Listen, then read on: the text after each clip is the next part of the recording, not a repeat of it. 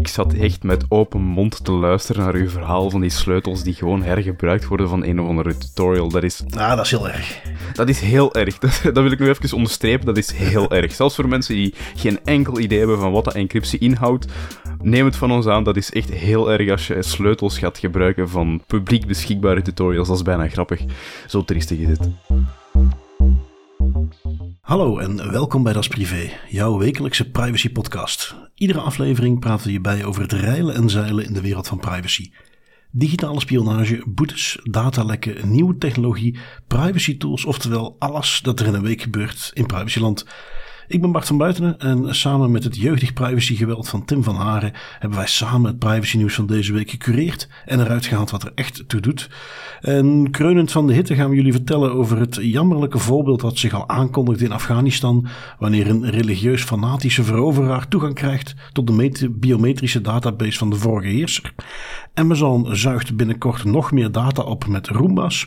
En we kunnen nog eens een rondje Facebook bashing doen.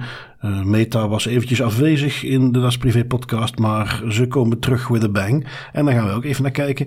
Uh, voor de rest hebben we natuurlijk nog wat uh, datalekjes, wat nieuws van autoriteiten en wat ander privacy nieuws wat niet in de headliners zit. Um, een kleine huishoudelijke mededeling. Volgende week is er geen Das Privé aflevering. Wij hebben vakantie. In de plaats daarvan mag je een Das Privé discours verwachten. Ik had die al een tijdje geleden aangekondigd, maar ik bedacht mij naderhand dat het eigenlijk interessanter was om die te gebruiken als wij dan toch vakantie hebben. Dan ga ik namelijk in gesprek met Vincent, die heel erg veel weet van China. Ik had hem, zoals ik al zei, die staat al een tijdje klaar. Maar die is op zich niet van de actualiteit afhankelijk. Wij gingen dus kijken naar het Chinese credit scoring systeem, wat daar nu echt van aan is. Surveillance in China. Hij kan daar met zijn ervaring als iemand die in China heeft gewoond en daar uh, iedere dag mee bezig is voor zijn werk bij een denktank over China kan die daar van alles over vertellen. Dus dat, wordt een, heel, dat is een hele interessante en die staat dan volgende week klaar in plaats van een aflevering van de gewone Das Privé podcast. Um, dat gezegd zijn, Tim, vliegen wij er deze week nog eventjes in. Mm -hmm. uh, er gebeurde ook meer dan genoeg, denk ik wel. Uh, de eerste die ik heb meegenomen borduurt wat voort op iets waar wij, ik weet niet meer precies wanneer, een paar maanden geleden, of, of wie weet is het ondertussen al een jaar geleden, uh, alles voorbij lieten komen. Want dat ging over de Taliban in Afghanistan. En wat wij toen zeiden, uh, wat natuurlijk ook door een aantal uh, mensen werd aangekondigd, van ja, er is toch wel een, een, potentieel probleem. Want de laatste jaren onder uh, invloed van het Wereld Monetair Fonds, de Verenigde Naties, allerlei landen die ook subsidies gaven en die steunden, kwam, was er een beetje een, een push en, en, en wat support om meer te digitaliseren. En dat betekende onder andere dat zij ook een soort, ja, hoe moet ik het zien? Zie je het als wat wij hebben met het Rijksregister, een soort Rijksregister opzetten. Maar wat je ziet bij veel, um, bij, ja, bij gebrek aan een beter woord, arme landen. Uh, ik denk ook aan India, waar dat heel ver is gegaan. Is als ze zo'n systeem opzetten, gaat dat meteen veel verder dan wat wij hier kennen. En wij merken natuurlijk ook dat onze vingerafdruk op die entiteitskaart staat.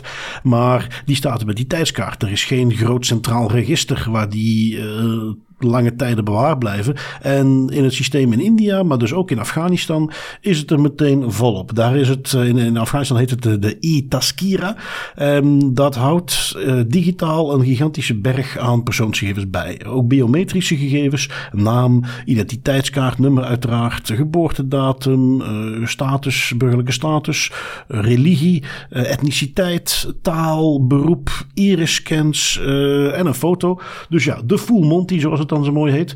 En dat staat allemaal gedigitaliseerd beschikbaar. Opnieuw, dat steekt wel af tegen hoe wij het hier kennen. We hebben weliswaar die vingerafdruk op die identiteitskaart staan, maar die is eigenlijk alleen maar daarvan af te halen. Um, valt al genoeg over te zeggen, maar goed, je ziet het verschil. Dat is, in India is dat bijvoorbeeld hetzelfde. Nu, uh, wat men al aankondigde uh, vorig jaar, is dat bijvoorbeeld bewegingen zoals de Human Rights Watch al aangaven. Wij verwachten dat de Taliban daar misbruik van gaat maken. Dat die gegevens die ze bijvoorbeeld halen uit de uitbetalingssystemen van de overheid, dat zij daaruit gaan kunnen achterhalen wie is er allemaal betaald door de overheid, wie heeft er allemaal gewerkt voor de overheid. En dat ze dus een langdurige campagne van wraak gaan opzetten om die mensen allemaal te achterhalen. Nou, het artikeltje wat ik heb meegenomen van Reuters gaat daar, want daar kondigde zich dus al aan, maar die ging daar wat op in met wat concrete voorbeelden van mensen die dus nu gewoon ondergedoken zitten. Uh, die ook zeggen van ja, wij kunnen eigenlijk uh, nergens heen, want overal zijn checkpoints. En als je bij zo'n checkpoint komt, ja, dan is er dus een, uh, iemand van de Taliban die daar met een, kastje staat, die vingerafdrukken opneemt, die uh, die biometrische gegevens ook effectief gebruikt om dus op dat moment ja, iemand te identificeren. Dus er is op dat moment heel weinig ruimte om dat te ontwijken. En, en of je gaat dus op pad en je loopt het risico tegen zo'n checkpoint aan te lopen en dan hang je gewoon. of je blijft ondergedoken zitten. Nou, de mensen die Reuters interviewden, die deden dat laatste. En ja, dat is uh, iets wat zich al een beetje aankondigde. Ook in 2018 is dat, is dat wat begonnen. Toen men eh, stemmingen had. Je ziet, uh, ik vond het ook leuk, in het artikel hadden ze een fotootje waar ze dat nog eens lieten zien. Maar dus iedereen die zijn stem uitbracht, dat ook moest doen door zich te identificeren met zijn uh, vingerafdruk. Dus daar zijn die ook nog eens allemaal uh, verzameld. En ja, god, lang verhaal kort. dit is een goed voorbeeldje. Want aan de ene kant denk je, zoiets kan in Europa toch nooit gebeuren. Um, aan de andere kant, we dachten ook dat een, een, oorlog zoals we die nu kennen niet zomaar meer ging gebeuren in Europa. En zo'n opgezet systeem, ja, dit, dit is dus een voorbeeldje van wat de risico's daarvan kunnen zijn. En dat vond ik toch illustrerend. En in ja, meer lokaal gezien moeten we dat als een, een, voorbeeld nemen van waarom we te allen tijden altijd in vraag moeten stellen waarom gaan we meer gegevens verzamelen, waarom gaan we biometrische gegevens verzamelen. Het feit dat het kan of dat de overheid er op dat moment een, een denkt een goede reden voor te hebben, is niet genoeg. We moeten dat altijd in vraag eh, blijven stellen. Ja, inderdaad. Het is denk ik het, het zoveelste voorbeeldje in een, in een rijtje van, van cases waar uh, men heel duidelijk ziet dat op een bepaald moment in de tijd persoonsgegevens en gevoelige persoonsgegevens, biometrische persoonsgegevens dus verwerkt worden voor een doeleinde dat je wel kan verantwoorden op een bepaalde manier. Maar inderdaad, wat je aangeeft is iets dat dan vaak vergeten wordt in die berekening, is dat men niet alleen moet gaan nadenken over wat kan men vandaag de dag doen met die persoonsgegevens, maar ook wat gaat er in de toekomst gebeuren met die persoonsgegevens en in welk politiek of geopolitiek of militair klimaat gaan we dan terechtkomen. Nu, de kans dat België ooit te maken gaat krijgen met een buitenlandse invasie is hopelijk nog altijd relatief klein, alhoewel inderdaad met de oorlog in Oekraïne zou je daar misschien over gaan twijfelen. Maar het is een reëel risico dat zich ook in andere manieren uit. Een, een uh, voorbeeld, niet 100% gelijkaardig, maar wel in dezelfde sfeer, is bijvoorbeeld het hele abortusgebeuren in Amerika. Een gegeven dat eigenlijk tot voor kort uiteraard nog altijd gevoelig was, maar waar nog geen strafrechtelijke gevolgen aan verbonden waren, dat is nu plotseling een heel ander verhaal. Er worden mensen effectief vervolgd voor het plegen van een abortus, voor het feit dat dat gegeven nu bekend is en dat dat misbruikt wordt tegen hun. Dus dat is ook zo'n voorbeeld van een gegeven dat in het verleden nog relatief onschuldig was, en dat plotseling nu wel gebruikt kan worden om mensen te gaan vervolgen in, in rechtszaken. Ja, ja, ja. ja, we hebben daar uh, straks komen we daar nog op terug over dat voorbeeldje van uh, het gegeven, gegevens die gebruikt worden in die abortuscontext. Om maar te laten zien dat dat echt niet zomaar een dystopisch fantasietje was, maar dat het dus nu echt gebeurt. Um, en goed, ja, inderdaad, een buitenlandse invasie hier, dat is wellicht niet zo waarschijnlijk. Laten we dat voorlopig maar gewoon even hopen. Maar ik denk maar aan iets anders. We zien een, een, een ruk van rechts uh, toch opkomen. Als ik dat met mijn beperkte ervaring mm -hmm. met die dingen in de politiek zie je toch het de laatste jaren rechts flink aan het opkomen en uh, ja, die hebben op sommige vlakken toch ook uh, wat andere ideologieën. En wie weet als dat doorzet. En wij hebben over uh, een paar jaar in deze regering waar Vlaams Belang wel helemaal heeft doorgeduwd. Waar er misschien een of andere nieuwe rechtsnationale partij opstaat. En die komen in de regering. En die besluiten van hé, hey, dat is eigenlijk wel handig die vingerafdruk op die identiteitskaart. En is eigenlijk wel handig dat wij zo'n mooi systeem hebben waar wie weet in de toekomst nog iets anders bijgehouden is. Laten we dat eens even gaan inzetten om andere wetgeving op te tuigen. Dat is dan weer veel minder ver gezocht. En ja, goed, wat jij al zegt, dat is het voorbeeldje wat we ook in Amerika hebben gezien. Precies dat. Ineens is er uh, het, het, Supreme Court zijn door Trump een paar rechtse rechters ingezet. En conservatieve rechters. En die nemen dus op beslissingen. En, en ineens, voor je het weet, wordt data voor allerlei dingen gebruikt. Dus nee, zo ondenkbaar is het helemaal niet. En ja, dat is het punt dat we hier toch even wilden maken. Um, waar ik dan aan denk, Tim, is het volgende onderwerpje wat jij had meegenomen. Van Wired, nu.nl. Op heel veel plekken kwam dit voorbij. Um, van nog een, een, een, grote entiteit die nog eens wat extra gegevens gaat verzamelen. Waarbij ik denk, uh, ja, leg het eerst eens even uit wat er gebeurd is. Maar daarna kunnen we misschien eens filosoferen. Wat zouden ze daar nu allemaal mee kunnen gaan doen? Uh, en ik heb het over Amazon die Roomba heeft overgekocht. Wat houdt dat dan precies in? Ja, ze hebben um, vorige week bekendgemaakt dat zij de robotmaker iRobot willen overnemen voor 1,7 miljard dollar. En iRobot is misschien bij de luisteraars niet helemaal bekend, maar zoals jij al aangeeft, dat is eigenlijk de fabrikant van de bekende stofzuigerrobot, die ronde schijven die je in de livings af en toe wel eens ziet rond, rondzuigen, de, de Roombas. Um, ze hebben het bekendgemaakt. Het moet wel nog goedgekeurd worden door de FTC. Dus het is nog niet officieel dat zij iRobot volledig gaan overnemen. Ze moeten nog een stamp of approval krijgen. Maar als ze die stamp of approval hebben, dan gaan ze dat bedrijf overnemen. Um, nu, waarom is dit relevant? Waarom nemen wij dit mee? Die nieuwste Roombas die zij op de markt hebben gebracht, iRobot, die maken gebruik van technologie om de kamerindeling te onthouden van uw huis. Dus die maken eigenlijk een, een kaart, een zeer gedetailleerde kaart zelfs, van de layout van je huis. Um, zelfs de meubels waar dat die staan, hoe dat die gepositioneerd zijn, zodat die robot eigenlijk logischerwijze daar niet continu tegenbotst en heel goed zijn weg weet. En voor de record, het slim omgaan met uw omgeving, als vanuit een robotica-perspectief, alleen daar heb ik op zich niks op tegen, dat is ook geen probleem, denk ik. Wat het probleem wel is, is dat die indeling en het feit dat dat allemaal in detail in kaart wordt gebracht, niet lokaal op het device, op de robot blijft opgeslagen, maar dat dat dus ook uiteraard naar een of andere cloud gaat, waar het dan opgeslagen wordt.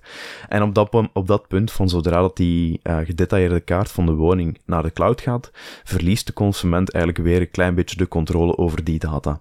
En dat is een probleem. En dat is een, uh, zeker een probleem als je dan een, ja, een datagigant hebt, zoals Amazon, die er toch niet uh, vies van is om af en toe wel eens wat interessante dingen te doen met die data dat die dan dat bedrijf kopen en dus straks gedetailleerde informatie gaan krijgen over consumenten in hun huishouden en over de layout van hun huis.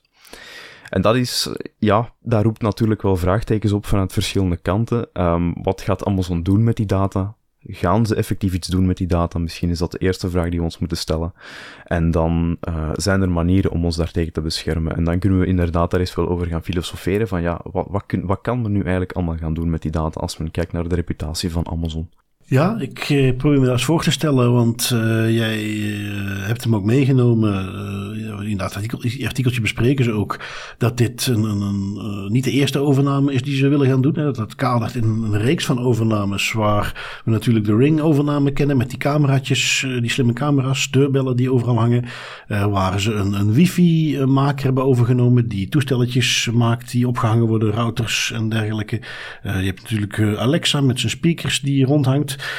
Als je allemaal bij elkaar telt, dan begint Amazon een behoorlijke toegang te krijgen tot uh, vele huishoudens. Ik denk overigens vooral in Amerika, want ik Mm, heb niet de indruk dat ze op die manier ook, ja, misschien trouwens, misschien is het heel specifiek, want in België kunnen ze binnenkort pas met een, een webshop, geloof ik. Hè. Tot nu toe, Amazon.be uh, was uh, al, al, lang geleden ingepikt door uh, iemand anders. Ja. Bestond nog niet echt.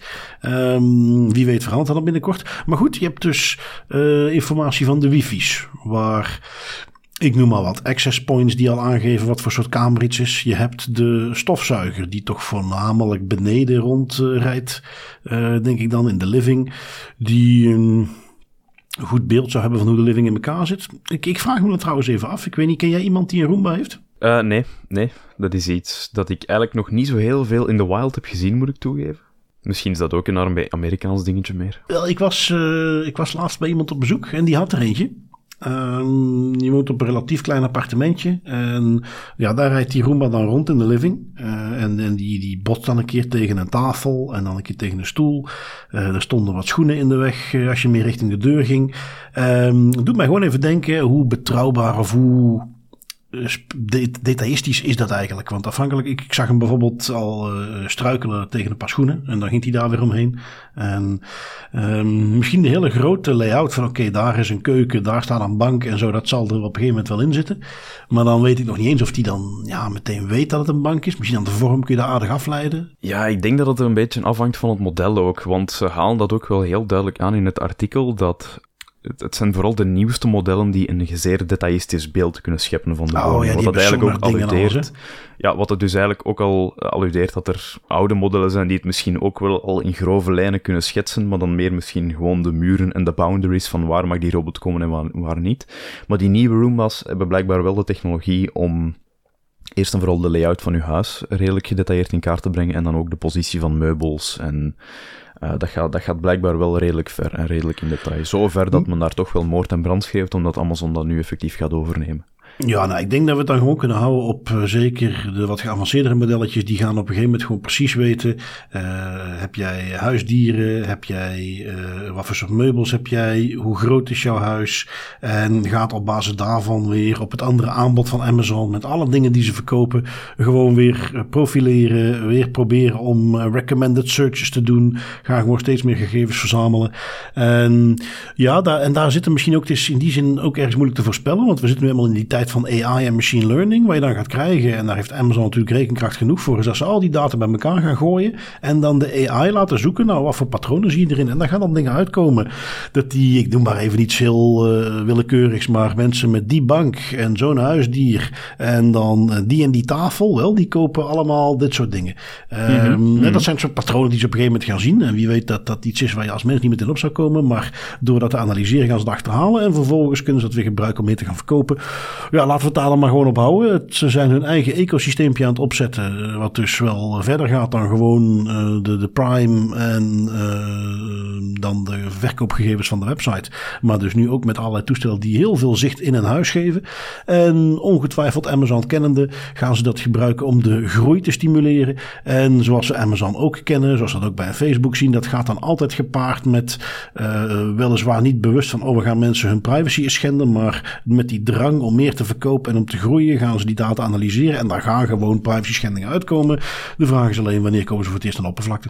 Ja, dat zal inderdaad de million dollar question zijn waar we in de toekomst een antwoord op zullen krijgen. Dan, want ja, het ziet er wel naar uit dat ze deze, dat ze deze acquisition gaan volbrengen.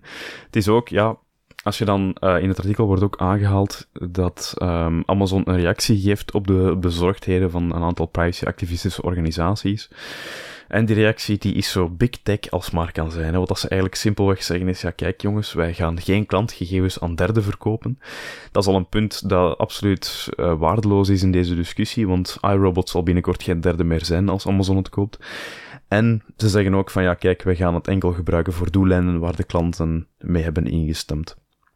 En dat is een tweede punt waar Big Tech heel goed in is. Dat is namelijk het pushen en duwen en nudgen van klanten in, die, in voor hun juiste richting om ze toch maar bepaalde uh, ellenlange terms and conditions te accepteren waar je je ziel verkoopt aan Amazon bij wijze van spreken.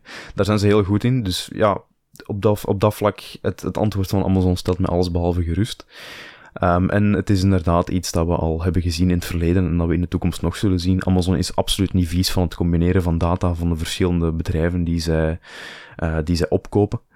Um, en ze zijn ook niet vies van het beschikbaar maken van die data. Hè. Iets wat we al hebben gezien in het verleden, een paar weken geleden denk ik nog, is um, met, die, met die ringdeurbel, die smart deurbellen, dat ze die data effectief ook beschikbaar stellen aan politie. Aan, in het kader van onderzoeken als jij dan ook nog eens zegt van, en dat is misschien een andere use case, hè, stel dat je zegt, ik heb een accuraat overzicht van iemand zijn of haar huis, zijn of haar woning, daar is, daar moet een, een, inval gebeuren bijvoorbeeld, er moet een arrestatie gebeuren, dat ook die data naar de politie voert, dat men die data ook kan gebruiken om bepaalde invalspunten te gaan definiëren of een tactiek om binnen te vallen. Eventjes luid op aan het nadenken, maar dat zijn allemaal opportuniteiten die ik zie, want Amazon is echt heel hard aan het inspelen op haar uh, relatie met, met onder andere law enforcement units om data te gaan delen. Dat zien we met die ring, dat zien we misschien mogelijk ook binnenkort met die Roombas. Ja, dat kan een bewuste tactiek zijn. Hè? Dat uh, op een gegeven moment ze in een positie verkeren waarin uh, je aan de ene kant van privacyhoek en activisten en, en weet ik veel wat, er heel veel druk komt op de overheid om te zeggen, ja, je moet Amazon aan banden gaan leggen. Maar waar ze aan de andere kant ondertussen heel erg afhankelijk zijn van beelden van ringcameras en, en informatie die verzameld wordt door de slimme stofzuiger die misschien de inbreker gedetecteerd heeft. En dat ze op die manier ineens too big to fail zijn in de zin van too big to regulate. En dat daar het probleem zich ontstaat. Wie weet dat ze zich op die manier onmisbaar willen maken voor de overheid. Um, doet mij denken, je hebt nog een, een side note toegevoegd waar Amazon wellicht op een gegeven moment jaloers heeft zitten kijken naar al die TikTok filmpjes en Twitter filmpjes waarin vergrappige beelden van de Ring camera's te zien zijn. En ze dachten, daar willen we ook een stukje van. Ja, klopt, want er is op social media een ontzettend populair genre van video's. Hè. De, inderdaad, de, de opnames van ringcamera's of andere smart deurbellen waar dan gekke dingen op gebeuren of mensen pakketjes stelen of aangevallen worden of uh, whatever. Er gebeurt van alles op, uw voordeur of voor uw voordeur eigenlijk. Meer dan dat je zou denken. Uh, en Amazon heeft op een bepaald moment inderdaad daarnaar gekeken en gedacht van, hmm, oké, dat kunnen wij ook. En wat ze eigenlijk ontwikkeld hebben is uh, Ring Nation. En Ring Nation is een tv-show. En je moet eigenlijk denken aan America's Funniest Home Videos, maar de video's komen allemaal van ringdeurbellen.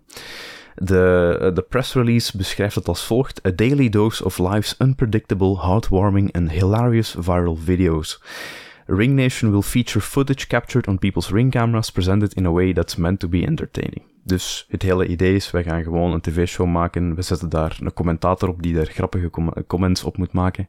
En we gaan gewoon mensen hun, uh, hun, hun deurbel uh, beelden gaan bekijken en, en gaan, gaan becommentariëren. Uiteraard zal dat wel met toestemming gebeuren en zullen de mensen de beelden zelf moeten gaan inzenden. Dit, dit is niet zo dat, dat Amazon die beelden gaat opvragen of gaat opeisen, dat niet.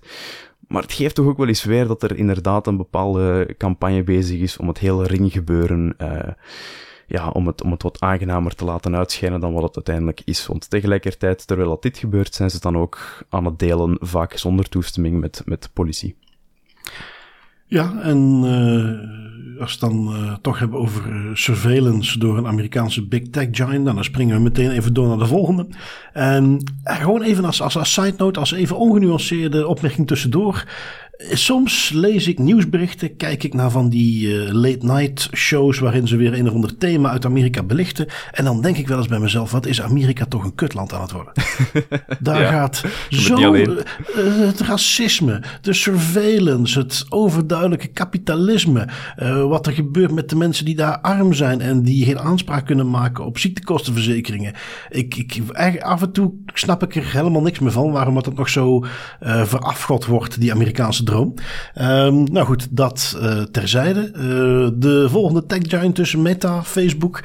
We hebben hem eigenlijk wel minder uh, aan bod laten komen in de, in de, podcast de laatste tijd. Hè. Er was niet zo heel veel over te melden. Ehm, geen grote privacy schendingen. Wel, they're back. Um, dat begint met wat ik er straks al kort naar verwees. Een, beetje een bewijs dat wat wel eens gezegd werd van ja, oké, je hebt nu die, die anti-abortie dingen in Amerika. Maar dat gaat allemaal niet zo heftig zijn. En al dat gedoe over je moet die period uh, tracker apps gaan uitzetten en uh, ze gaan je data proberen op te zuigen om je te vervolgen voor abortus. Er werd dan toch, en ik moet toegeven dat ik daar zelf ook zoiets had van, goh, zou dat niet wat overdreven zijn? Maar nee, nee, dat is het niet. We hebben nu het eerste voorbeeldje in Nebraska. daar was een moeder en dochter die daar nu vervolgd worden. om precies te zijn, Celeste en Jessica. En er was op een gegeven moment het vermoeden dat Celeste een zwangerschap had afgebroken En dat die uh, ja, dus door medicatie of op een andere manier het voor elkaar hadden gekregen om een abortus te krijgen. Um, precies hoe ze erachter zijn gekomen wordt dan weer niet getoond. Maar wat ze wel laten zien is van ja, op een gegeven moment was er een vermoeden dat die dus abortus hadden gedaan. En zijn ze gaan onderzoeken. En een van de dingen die naast allerlei andere dingen die men kennelijk is gaan verzamelen, maar is men ook naar Facebook toegegaan. En hebben ze daar de Facebook messages opgevraagd die gestuurd zijn tussen de dochter en de moeder. Waarin dan verwijzingen zaten over uh, je moet die en die pillen kopen en je moet het bewijs uh, vernietigen. Um, ja, waar dus echt, en, ook dat is iets waar je dan even met je hoofd niet bij kunt. Uh, voor een, een, een, een, vrouw die over haar eigen lichaam wil beslissen wat ze ermee gaat doen. kennelijk een nieuwe samenzwering moet ontstaan om dat te kunnen gaan doen. En goed, ze zijn dus bij Facebook die berichten op gaan vragen. Die zitten nu ook mee in het dossier om die twee dus aan te gaan klagen. Die gaan echt veroordeeld worden voor wat eruit komt te bekijken. Maar daar loopt echt een strafonderzoek. Um, goed, dat is één ding. Dat is al erg genoeg. Uh, maar waarom ik hem ook meenam, want er zit hier eventjes een, een opeenvolging van Facebook berichtjes. Is dat Facebook dit publicitair toch niet heel erg leuk vond. Uh, zo komen ze wel erg slecht in het nieuws. En ineens, wonder boven wonder, een paar dagen na die berichten, uh, blijkt dat Facebook binnenkort end-to-end encryption voor de Facebook, de Messenger berichten gaat uitrollen. Iets wat ze eigenlijk al in 2016 hadden aangekondigd. En waar ze dan steeds maar bezig bleven over ja, maar dat is niet zo makkelijk en we moeten dat nog fine-tunen. En eerst waren dan, had je een optie om het zelf specifiek aan te zetten in een soort secret chat. Uh, maar default, dat kwam maar niet. En dus nu ineens, een paar dagen nadat dit in het nieuws kwam uit Nebraska, kan het dus wel. En hebben ze aangekondigd dat ze zeer binnenkort uh, end-to-end encryption gaan aanzetten. Um, vond ik op zich al apart. tegelijkertijd komt dan Mark Zuckerberg ook ineens weer naar voren met aanpassingen die ze aan WhatsApp gaan doen. WhatsApp gaat namelijk fantastisch nieuwe privacy settings toevoegen. Um, settings zoals je kunt een groepchat gaan verlaten zonder dat iemand dat kan zien. Je kunt uh, gaan controleren wanneer iemand kan zien of je online bent. En er zit iets in van het voorkomen van screenshots in berichten.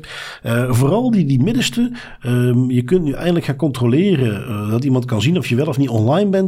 Dat vond ik toch heel erg opvallend. Want werkelijk iedere chat-app die ik ooit gebruikt heb de afgelopen tien jaar, die had die functie. Dus dat dat nu iets mhm. is wat ze eindelijk in WhatsApp gaan stoppen en aangekondigd wordt als een grote privacy feature, vond ik al erg.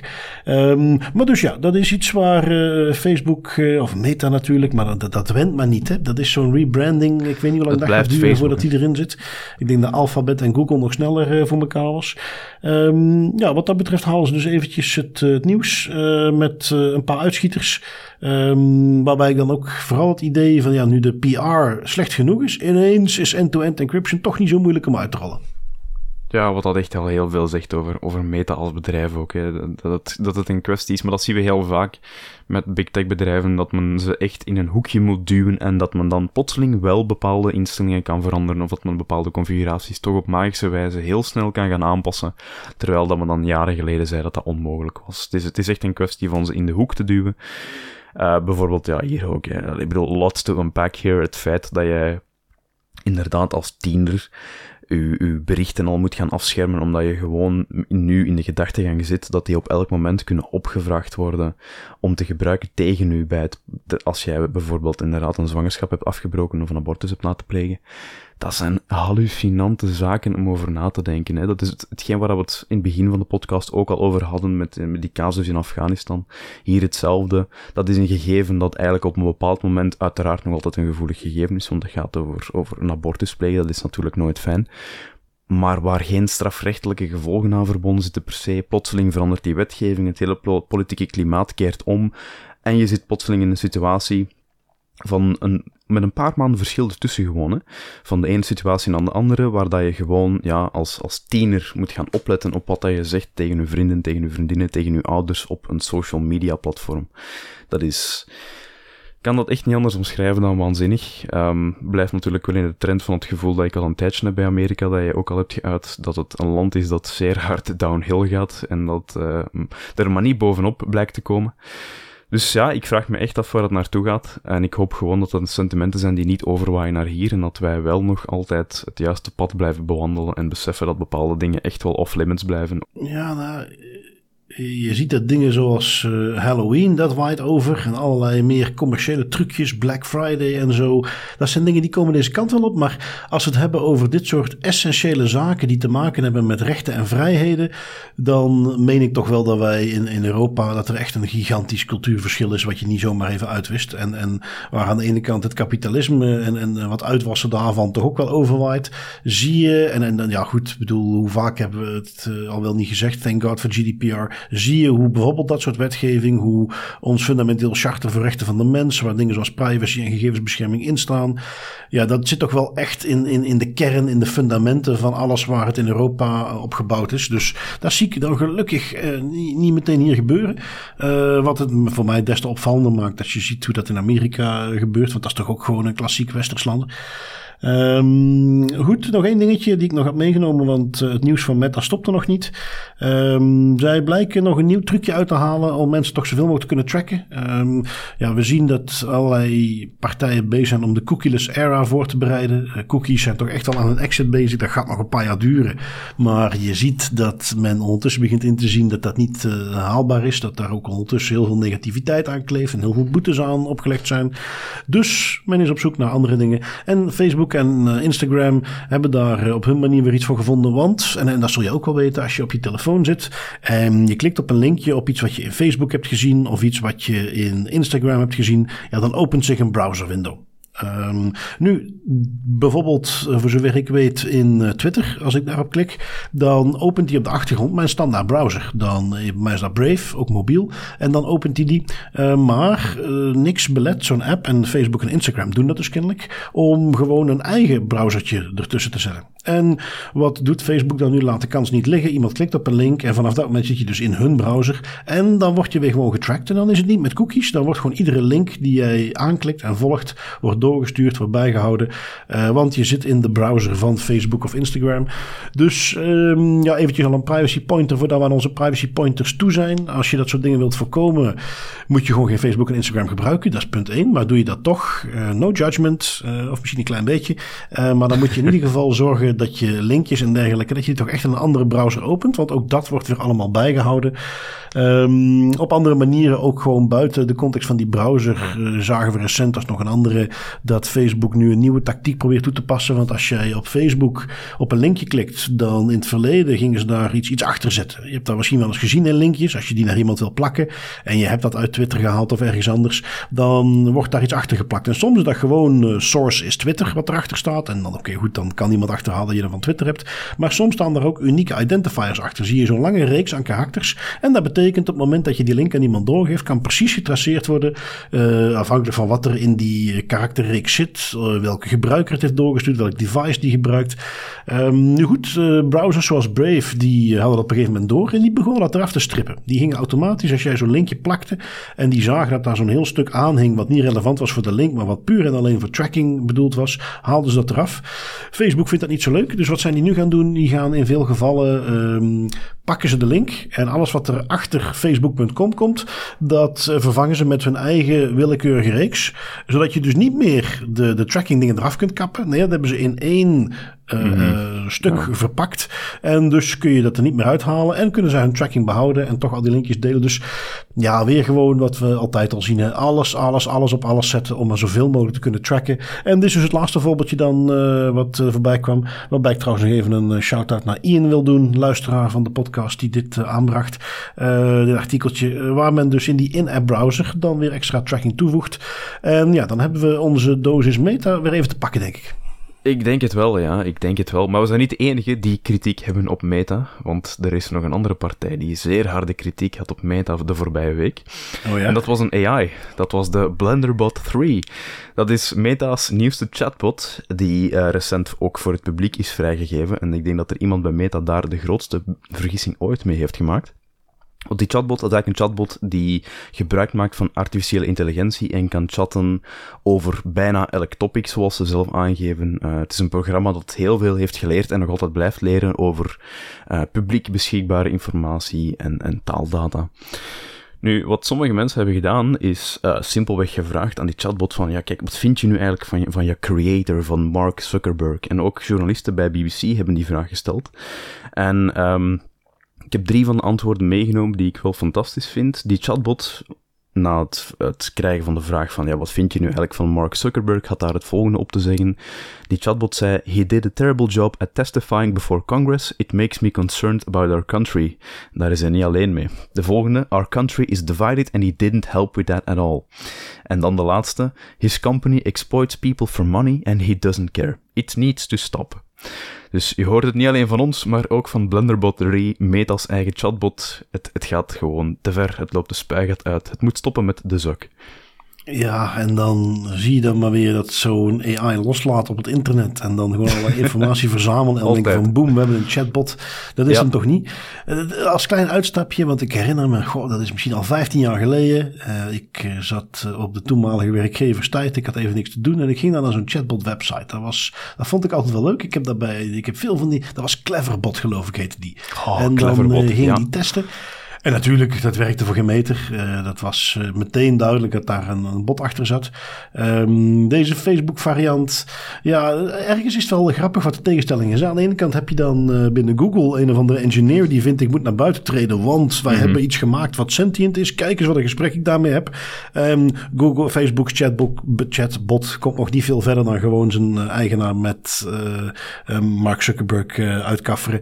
Um, daar zit nog wel een verschilletje in, in uitwerking, denk ik dan. Daar zit nog wel een klein verschilletje in uitwerking. En het is interessant, want hier in Blenderbot 3 um, het interessante aan die, aan, die, aan die chatbot is namelijk dat elk antwoord dat je terugkrijgt, daar kan je van achterhalen Ehm, op wat dat, dat antwoord gebaseerd is. Want dat is gebaseerd op publieke informatie. En een van de redenen, dat halen ze ook aan in het artikel, vond ik wel grappig.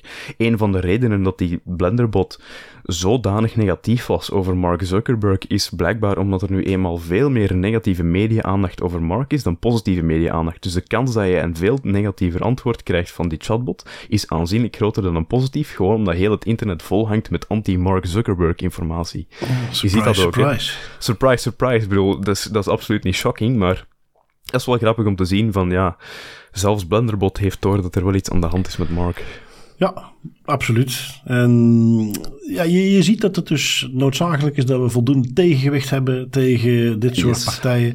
Eh, of dat nu is door eh, fundamentele dingen die wij ingebouwd hebben in het rechtssysteem en de wetten en de charters die wij hier in Europa hebben. Of, en dat is ook iets wat, wat in Europa klassiek toch een veel sterkere kracht is dan bijvoorbeeld in Amerika. Eh, en zeker in andere regimes. In Amerika heb je ook nog wel aardig wat van deze, namelijk burgerrechtenorganisaties. Die zich daarbij bezighouden. En eentje waar ik zelf, nou eigenlijk, ik moet het gewoon toegeven, best wel fan van ben. Zijn niet perfect, maar eh Noip, hè, die organisatie van Max Schrems, de activistische activiteiten die zij ontplooien, daar kan ik me best wel in vinden. En eh, ja, je hebt er eentje meegenomen, Tim, een artikeltje van TechCrunch, denk ik, eh, over hun laatste actie rond klachten die ze hebben ingediend. Ja, klopt. Ehm, voor de context even mee te geven voor de luisteraars. None of Your Business is een, de privacy-activiste-organisatie van our Lord and Savior Max Schrems. Die is al een tijdje bezig met cookie-klachten uit te sturen. Dus ehm, zij maken scans van websites om te gaan analyseren hoe dat zij hun, hun cookie-beleid voeren en of dat zij wel op de juiste manier toestemming vragen, etc.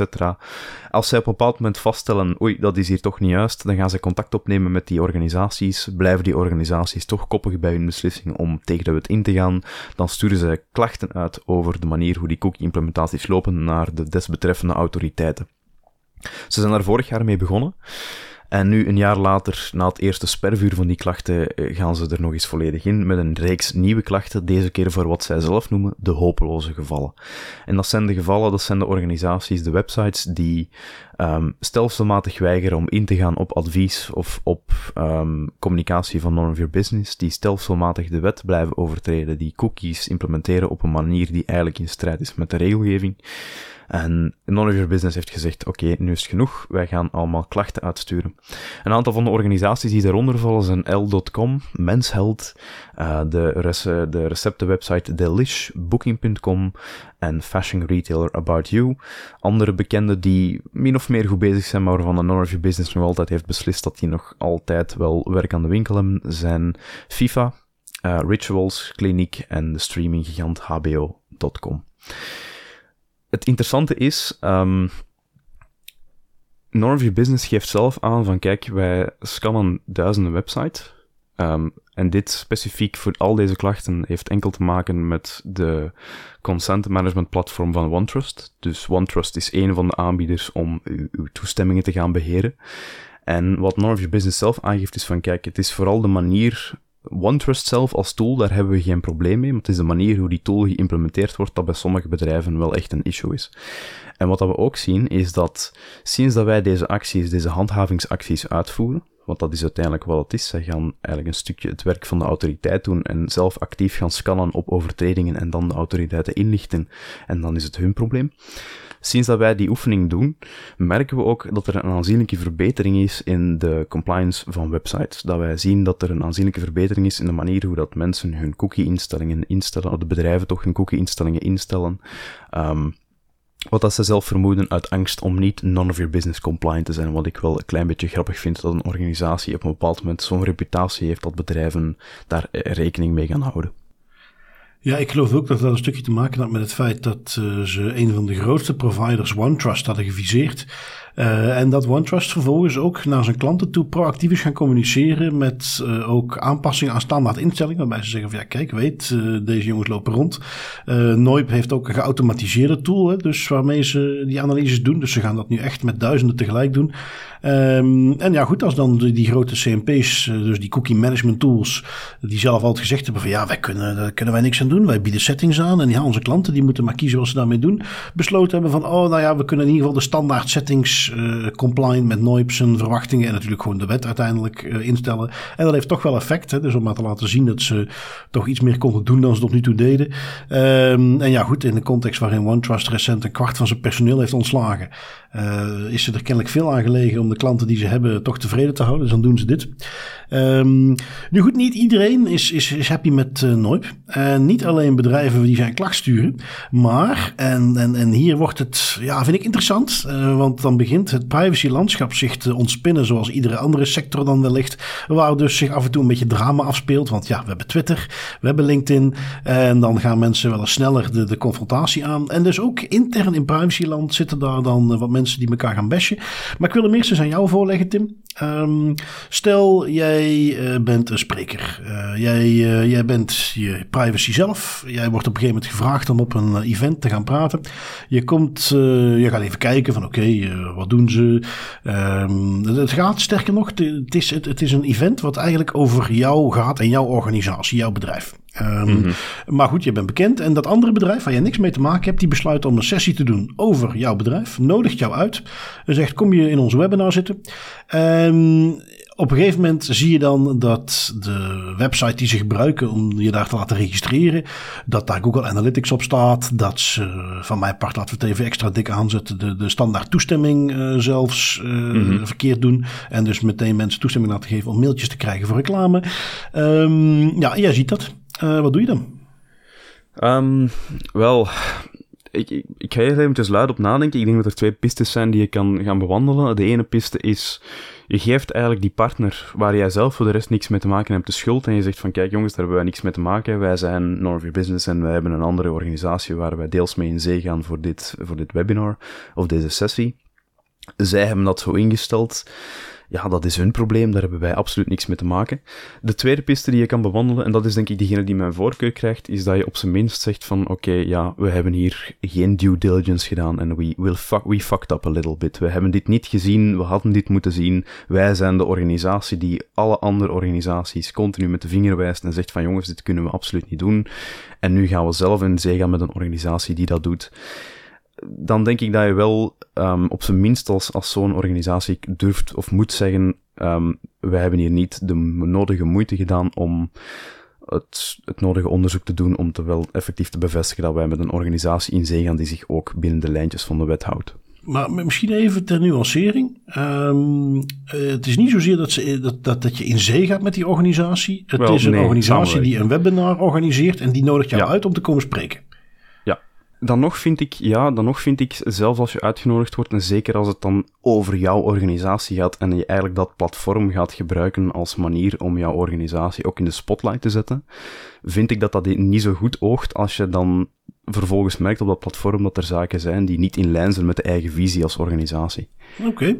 Nou ja, goed. Laat het uh, dus even wat minder hypothetisch maken. Want je begrijpt uh, dat hier een, een real-life case achter zit. Je hebt hem wellicht mm -hmm. ook voorbij zien komen op social media.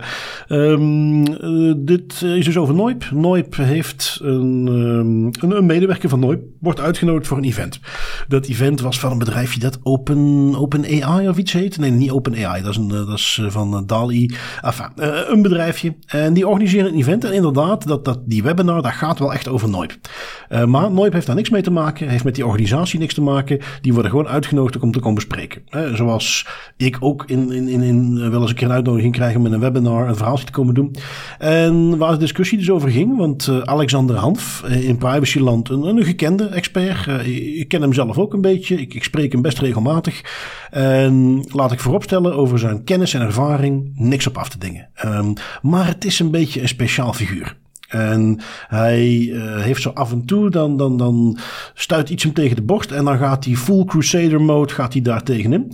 En het leek alsof hij dus bij Noip nu het volgende moment had. Want uh, hij ziet dus die, uh, als je post voorbij komen van een medewerker van Noip. Die dat aankondigt van kijk, ik ga daar spreken. hij gaat naar die uitnodigingspagina en stelt daar vast dat daar dus dingen op stonden die ik net ook beschreef. Google Analytics, iets ook niet goed qua settings. Um, sprak daar die medewerker op aan. Ik heb het niet meer kunnen zien, want de post is gedelete. Ik was er die zin te laat bij. Maar die medewerker heeft daar wellicht um, met meer dan van... ach ja, maar goed, dat is een externe partner, daar kunnen wij niks aan doen. Maar heeft waarschijnlijk een beetje bij de hand gereageerd. Nou, dat is een rode lap op een stier op zo'n type zoals Alexander Hanf. Dus dat uh, ontspoort helemaal met verwijten over en weer. Um, die Alexander Hanf begint op een gegeven moment zelfs... En, en ja, goed, je moet weten, bedoel, het is natuurlijk in de niche van privacyland. Maar daar heeft hij 10.000 volgers en, en allerlei bekende privacy-experts die volgen hem ook. En die begint daar met dingen te roepen dat het eh, fucking hypocrites zijn en dat soort dingen. En uiteindelijk heeft hij nu kennelijk een klacht ingediend bij de Zweedse privacyautoriteit uh, tegen deze actie. Want is zijn redenering, en nu gaan we een heel klein beetje GDPR-technisch doen.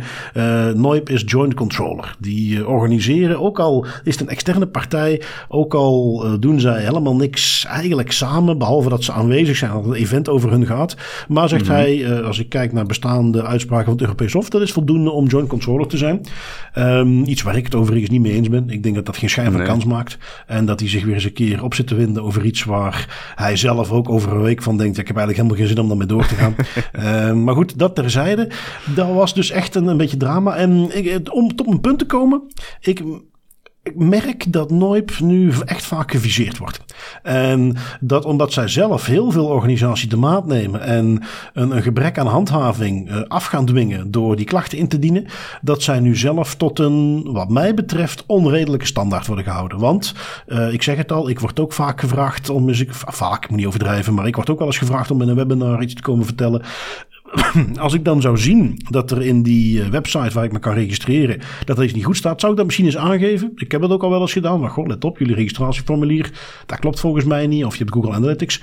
Maar ik zou daar geen al te zwaar punt van maken. Ik ga niet ineens zeggen, weet je wat, je hebt nu net 200 mensen uitgenodigd voor je event, maar ik kom gewoon niet, want ja, dat registratieformulier, uiteindelijk is dat hun probleem. Uh, zij zetten die website op. Ik heb daar niks mee te maken. Ik kom gewoon spreken. Ik denk dus niet dat ik daar verantwoordelijkheid voor zou hebben. En, en, en that's it. En ik, ja, ik, ik vind uh, dat nooit de laatste tijd, ook vanuit privacyland dus, door mensen waar ik dan proef, zit daar misschien een beetje frustratie aan dat die hun klanten moeten adviseren hoe ze van al die alternatieven, hoe ze die Amerikaanse tools, hoe ze daar vanaf komen. En dat ze daar wat gefrustreerd in zijn. Zit dat erachter? Vinden ze dat nooit het hun het leven te moeilijk maakt? Ik weet het niet. Maar um, daar zit behoorlijk wat gif richting Noip. Ja, ik heb het ook gezien en ik heb ook het drama een klein beetje gevolgd op Twitter en LinkedIn. Um, altijd interessant. De popcorn was zeker aanwezig, maar het, het valt inderdaad wel op. En ik denk dat dat ook komt omdat Noip nu eenmaal een organisatie is die zich er zelf ook niet, um, zelf niet visies om mensen in de spotlight te zetten of bedrijven in de spotlight te zetten die overtredingen plegen of om voorbeelden te stellen, of om, ja, het is en blijft een privacy-activistische organisatie. Ze kunnen soms ook nog wel eens theatraal uit de hoek komen, zeker Max Schrems ook. En dat stoot misschien sommige mensen voor de schenen, dat kan wel. Het andere waar ik aan denk ook is, ik moet wel toegeven, ik, ik ga kort met de redenering van het is een extern platform waar gewoon iemand op komt spreken en dan is die verantwoordelijkheid duidelijk gescheiden van elkaar. Maar alsnog vind ik wel persoonlijk dat none of your business hier um, op zijn minst had kunnen zeggen van, oké, fair point, dat is een terechte opmerking en we zullen het in het vervolg uh, in het oog houden en we zullen er iets beter op letten. En wat ze niet hebben gedaan is, en dat hebben ze niet gedaan, wat ze in de plaats daarvan hebben gedaan, is ze zijn met de vinger beginnen wijzen naar die andere organisatie. Ze hebben zeer, zeer duidelijk gezegd van wij hebben daar niks mee te maken en wij komen daar gewoon op spreken. En dat snap ik wel, maar dan neemt het argument niet weg dat je wel op zijn minst daar transparanter over kan zijn of een beetje nu due diligence kan doen. Ja, ze hebben de, de fout gemaakt. Dat drukten ze volgens mij inderdaad ook op de zere plek door het argument aan te halen. Als ze nu gewoon hadden gezegd van ja, kijk, luister, uh, je hebt gelijk, die website zit niet goed in elkaar, maar ja, is voor ons een third party. We hebben dat aangegeven, maar hoe ze dat doen, ja, dat moeten ze zelf weten. Maar ze zijn eraan toe gaan voegen. En ja, wij krijgen vijf van dit soort uitnodigingen per dag van verschillende medewerkers van ons. Wij hebben niet de tijd en de resources om dit soort due te gaan doen. En daar zaten ze natuurlijk helemaal fout. Want toen waren meteen een heleboel privacylui die zeiden van ja, maar ja, Schrems 2 uitlokken, dat kun je dan wel doen. En allerlei bedrijven opzadelen met de last die daarmee gepaard gaat. Dat moet dan wel kunnen. Maar zelf je due diligence doen, dat kan dan niet. Dus daar, en dat is denk ik de grote fout die ze gemaakt hadden. Nu goed, ehm, dat gezegd zijnde, ik vond het interessant uh, gewoon om mee te geven dat dus ook binnen privacyland daar verschillende meningen zijn. En dat daar uh, af en toe wat, wat drama zich afspeelt. Voor de rest moeten we daar, want misschien niet te veel mee bezig zijn. Um, in ieder geval, we gaan door. Jij had iets wat, wat minder overleverancier is deze keer. Maar uh, security.nl had jij nog iets meegenomen. Um, want daar is iemand die destijds zichzelf toegang verschafte tot uh, Twitter-admin. Uh, is uiteindelijk schuldig bevonden. En dat heeft best wel gevolgen voor die persoon, denk ik. Ja, dat heeft best wel gevolgen voor de persoon, want die persoon die is in de VS nu schuldig bevonden voor uh, spionage, specifiek voor spionage voor Saudi-Arabië. Wat die man eigenlijk deed was, dat was een, een, medewerker van Twitter die inderdaad beheerstoegang had tot uh, bepaalde databanken en die um, op verzoek van Saudische overheidsfunctionarissen zocht um, de persoonsgegevens op van mensen die uiteraard kritisch waren tegenover de Saudische overheid, om die dan vervolgens door te spelen. En die kreeg daarvoor ook een flinke som 300.000 dollar en een horloge van 40.000 dollar. Om nog maar eens mee te geven, gewoon kort en bondig, maar insider threats, they are a real thing and they're not going away. Ja, en waarbij je moet afvragen, als zo iemand 300.000, of zeg 340.000 dollar krijgt aangeboden, hoe moet je je daar als bedrijf tegen gaan verdedigen? Want dit was maar gewoon een supportmedewerker.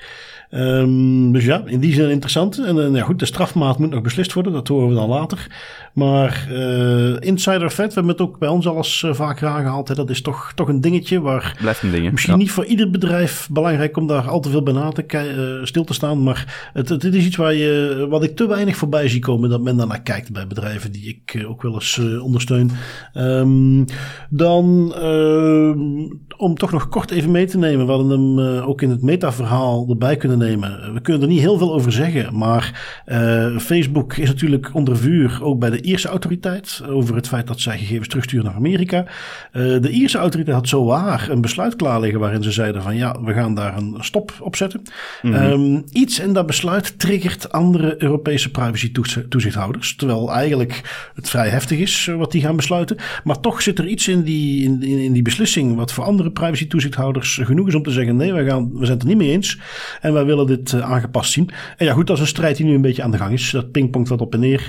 Um, dat gaat waarschijnlijk nog maanden duren voordat we daarvan uh, van horen wat er nu echt mee gaat gebeuren. De draftbeslissing wordt niet gepubliceerd. Behalve dat dus wel bekend is dat de eerste autoriteit effectief wilde gaan beslissen om te zeggen die transfers moeten stoppen. En dat is waar ja. Facebook ook mee dreigde toen. Wij gaan uit de EU vertrekken.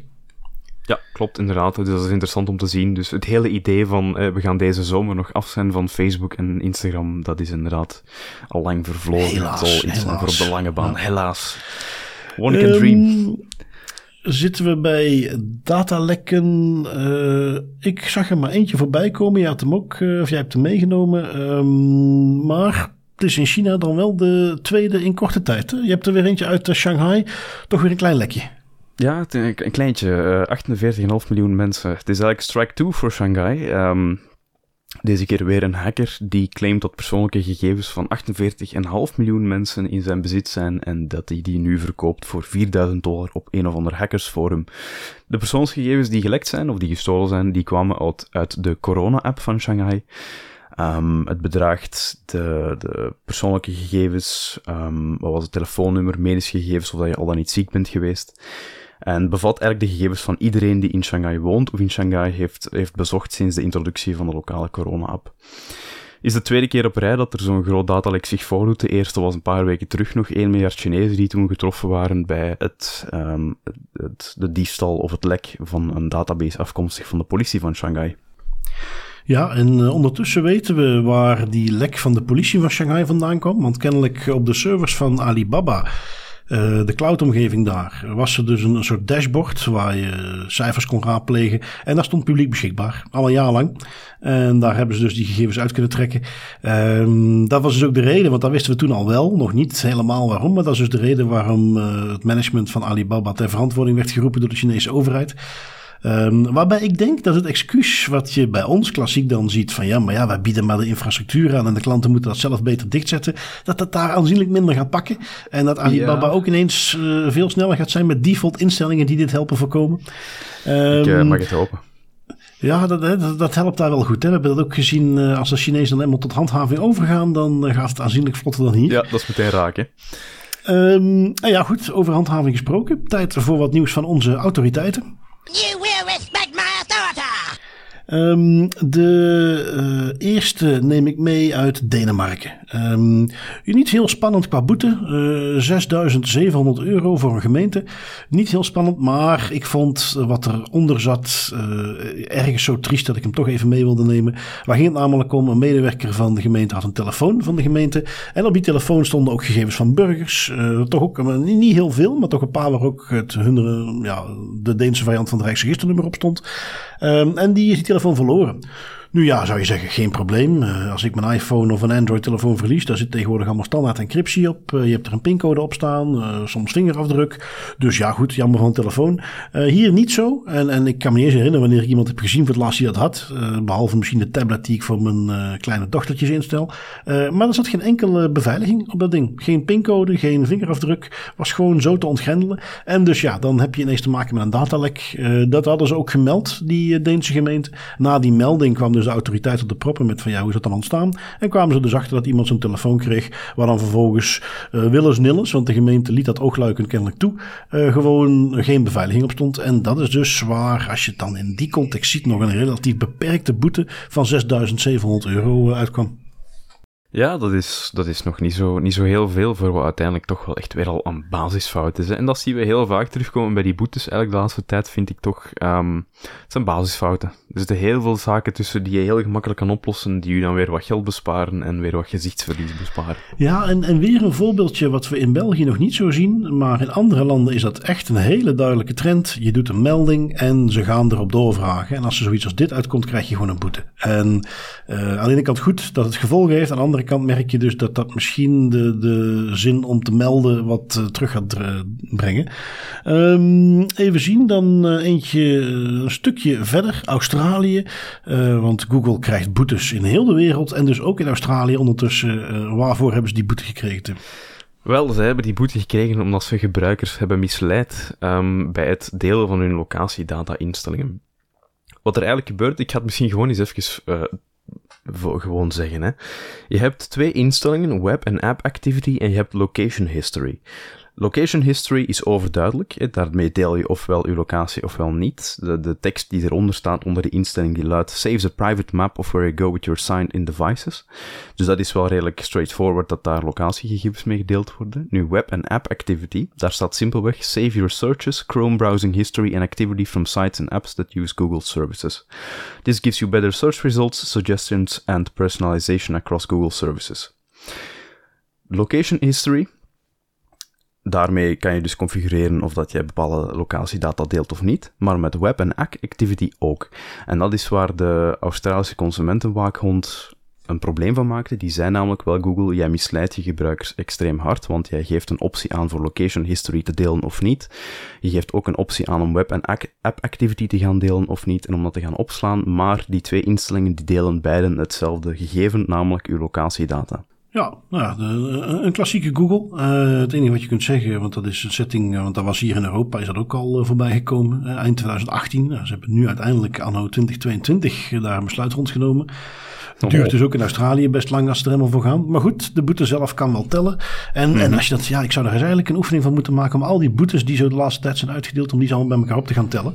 Uh, van, ook alleen maar van Google, want dat begint toch best te tellen. Die moeten toch een serieus reservetje aanleggen ieder jaar voor alle boetes die ze krijgen. Um, dan in de context van geen DAS privé zonder de AIPD heb ik er nog eentje uit Spanje meegenomen. Um, deze ook relatief kleine boete, maar ook als u denkt van, hè, ho hoezo dan? Um, klacht ingediend door een uh, ex-medewerker van een bedrijf. Die klaagde zijn ex-werkgever aan, omdat die zonder ogenschijnlijk een goede reden, of toch in ieder geval niet iets wat wettelijk als een goede reden wordt betiteld, uh, de gegevens van die medewerker had doorgestuurd naar een kredietbeheersorganisatie. Dus een organisatie waar je kredietrapporten op kunt vragen als je iemand een lening wilt geven. Die had uh, gegevens doorgestuurd naar zo'n bedrijf. Um, ja, simpel. De AIPD zei ja, dat kon niet. Dat zijn gevoelige gegevens. Dus mm in dit geval 15.000 euro boete.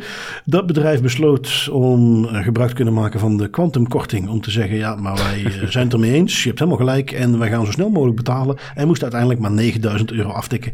Um, op zijn AIPD's. Hè. Hoe sneller het geld binnen is, hoe beter voor de marmeren kranen en de gouden vloeren. Exact. Um, even zien.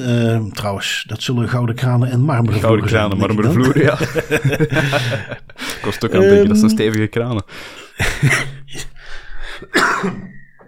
Inderdaad. Um, zijn we toegekomen aan onze privacy pointers.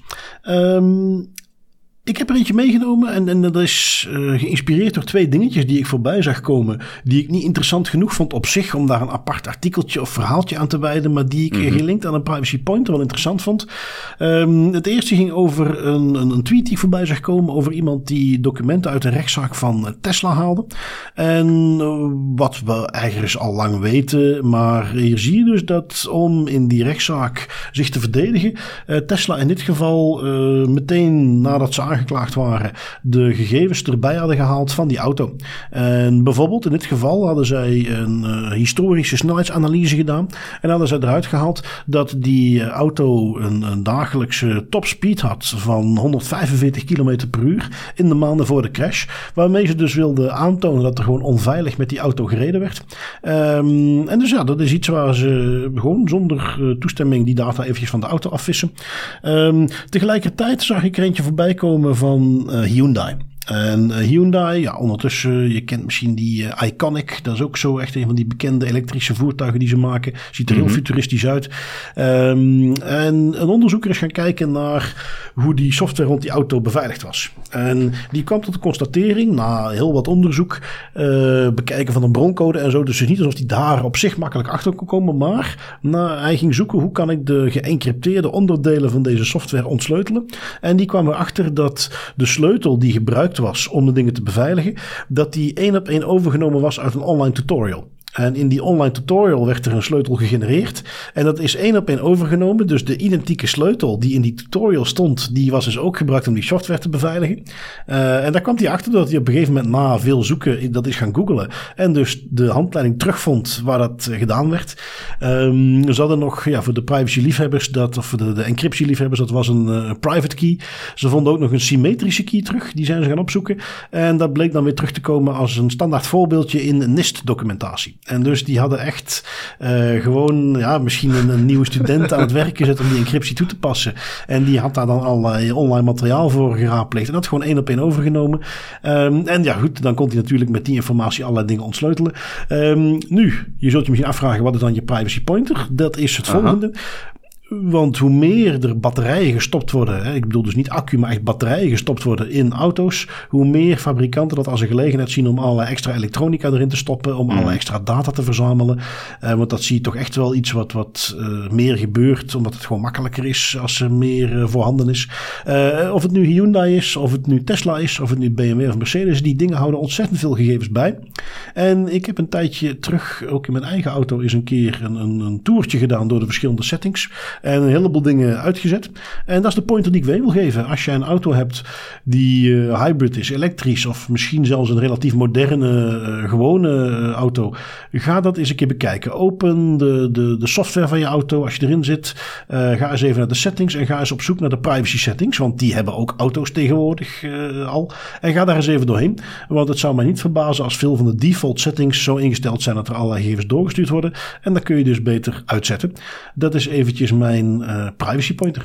Ja, en ik, ik, ik, moet het gewoon zeggen voor de luisteraars, maar allee, omdat het een, een, ja, het is audio, je hebt, geen, je hebt geen visueel materiaal, maar ik zat echt met open mond te luisteren naar uw verhaal van die sleutels die gewoon hergebruikt worden van een of andere tutorial. Dat is... Ah, dat is heel erg. Dat is heel erg. Dat, dat, wil ik nu even onderstrepen. Dat is heel erg. Zelfs voor mensen die geen enkel idee hebben van wat de encryptie inhoudt neem het van ons aan, dat is echt heel erg als je sleutels gaat gebruiken van publiek beschikbare tutorials. Dat is bijna grappig. Zo triestig is het. Nu goed, de privacy pointer die ik mee heb, is mij eigenlijk aangeraden door een hele goede vriendin, You Know Who You Are. En het is een, een boekentip, omdat het nu toch zo mooi weer is en dat is altijd leuk om een beetje te kunnen lezen. En dat is namelijk Invisible Women, Data Bias in a World Designed for Men. Um, het, de titel van het boek geeft het eigenlijk al een klein beetje aan, maar om het anders te zeggen, datakwaliteit is heel belangrijk. Bias sluipt er heel snel in, sneller dan je denkt. Ook bijna nooit met slechte bedoelingen van de mensen die die data aan het beheren zijn. Maar het gebeurt wel en het is interessant om dat ook in het achterhoofd te houden. Um, het boek gaat specifiek over benoemt eigenlijk een aantal casussen doorheen de geschiedenis, recent en, en uh, meer in het verleden van data die vooral gestoeld is op één bepaald archetype, namelijk de, de gemiddelde man, en dat men dan de, de, de vrouwelijke archetypes vergeet en dan daardoor dat er fouten gebeuren in berekeningen of dat er bepaalde bias komt in beslissingen die gemaakt worden. En ik vind dat heel interessant. Um, ook omdat dat is een discussie die wij ook heel vaak meenemen als we gaan kijken naar bijvoorbeeld facial recognition of artificiële intelligentie die wordt losgelaten op, op data. Um, een van de uitdagingen daar is zorgen dat je kwaliteitsvolle data hebt die echt met alle factoren en alle randfactoren rekening houdt. Uh, want anders dan creëer je gewoon, dan train je eigenlijk een, een artificieel intelligentiemodel dat inherent bepaalde biases heeft. Heel goed boek, heel leuk geschreven en uh, zeker een aanrader voor iedereen die geïnteresseerd is in die uitdaging specifiek. Oké, ja, klinkt uh, zeker interessant. Naarmate steeds meer op uh, machine learning AI is gebaseerd, om nog eens stil te staan bij wat voor uh, vooroordelen de data in zich heeft. Um, goed, dan zijn we weer toegekomen aan het einde van onze aflevering. Tim, ik wil mm -hmm. jou weer bedanken voor je tijd. Dit keer niet volgende week voor onze luisteraars. Let wel, een heel interessante Das Privé discours die klaar staat. Dus je hoeft niet zonder Das Privé te zitten. Maar eventjes geen nieuwsaflevering. En uh, ja, Tim, dan zie ik jou na onze korte vakantiebreak weer terug. Ja, zoals altijd met heel veel plezier. En tot na de vakantie. Tot na de vakantie.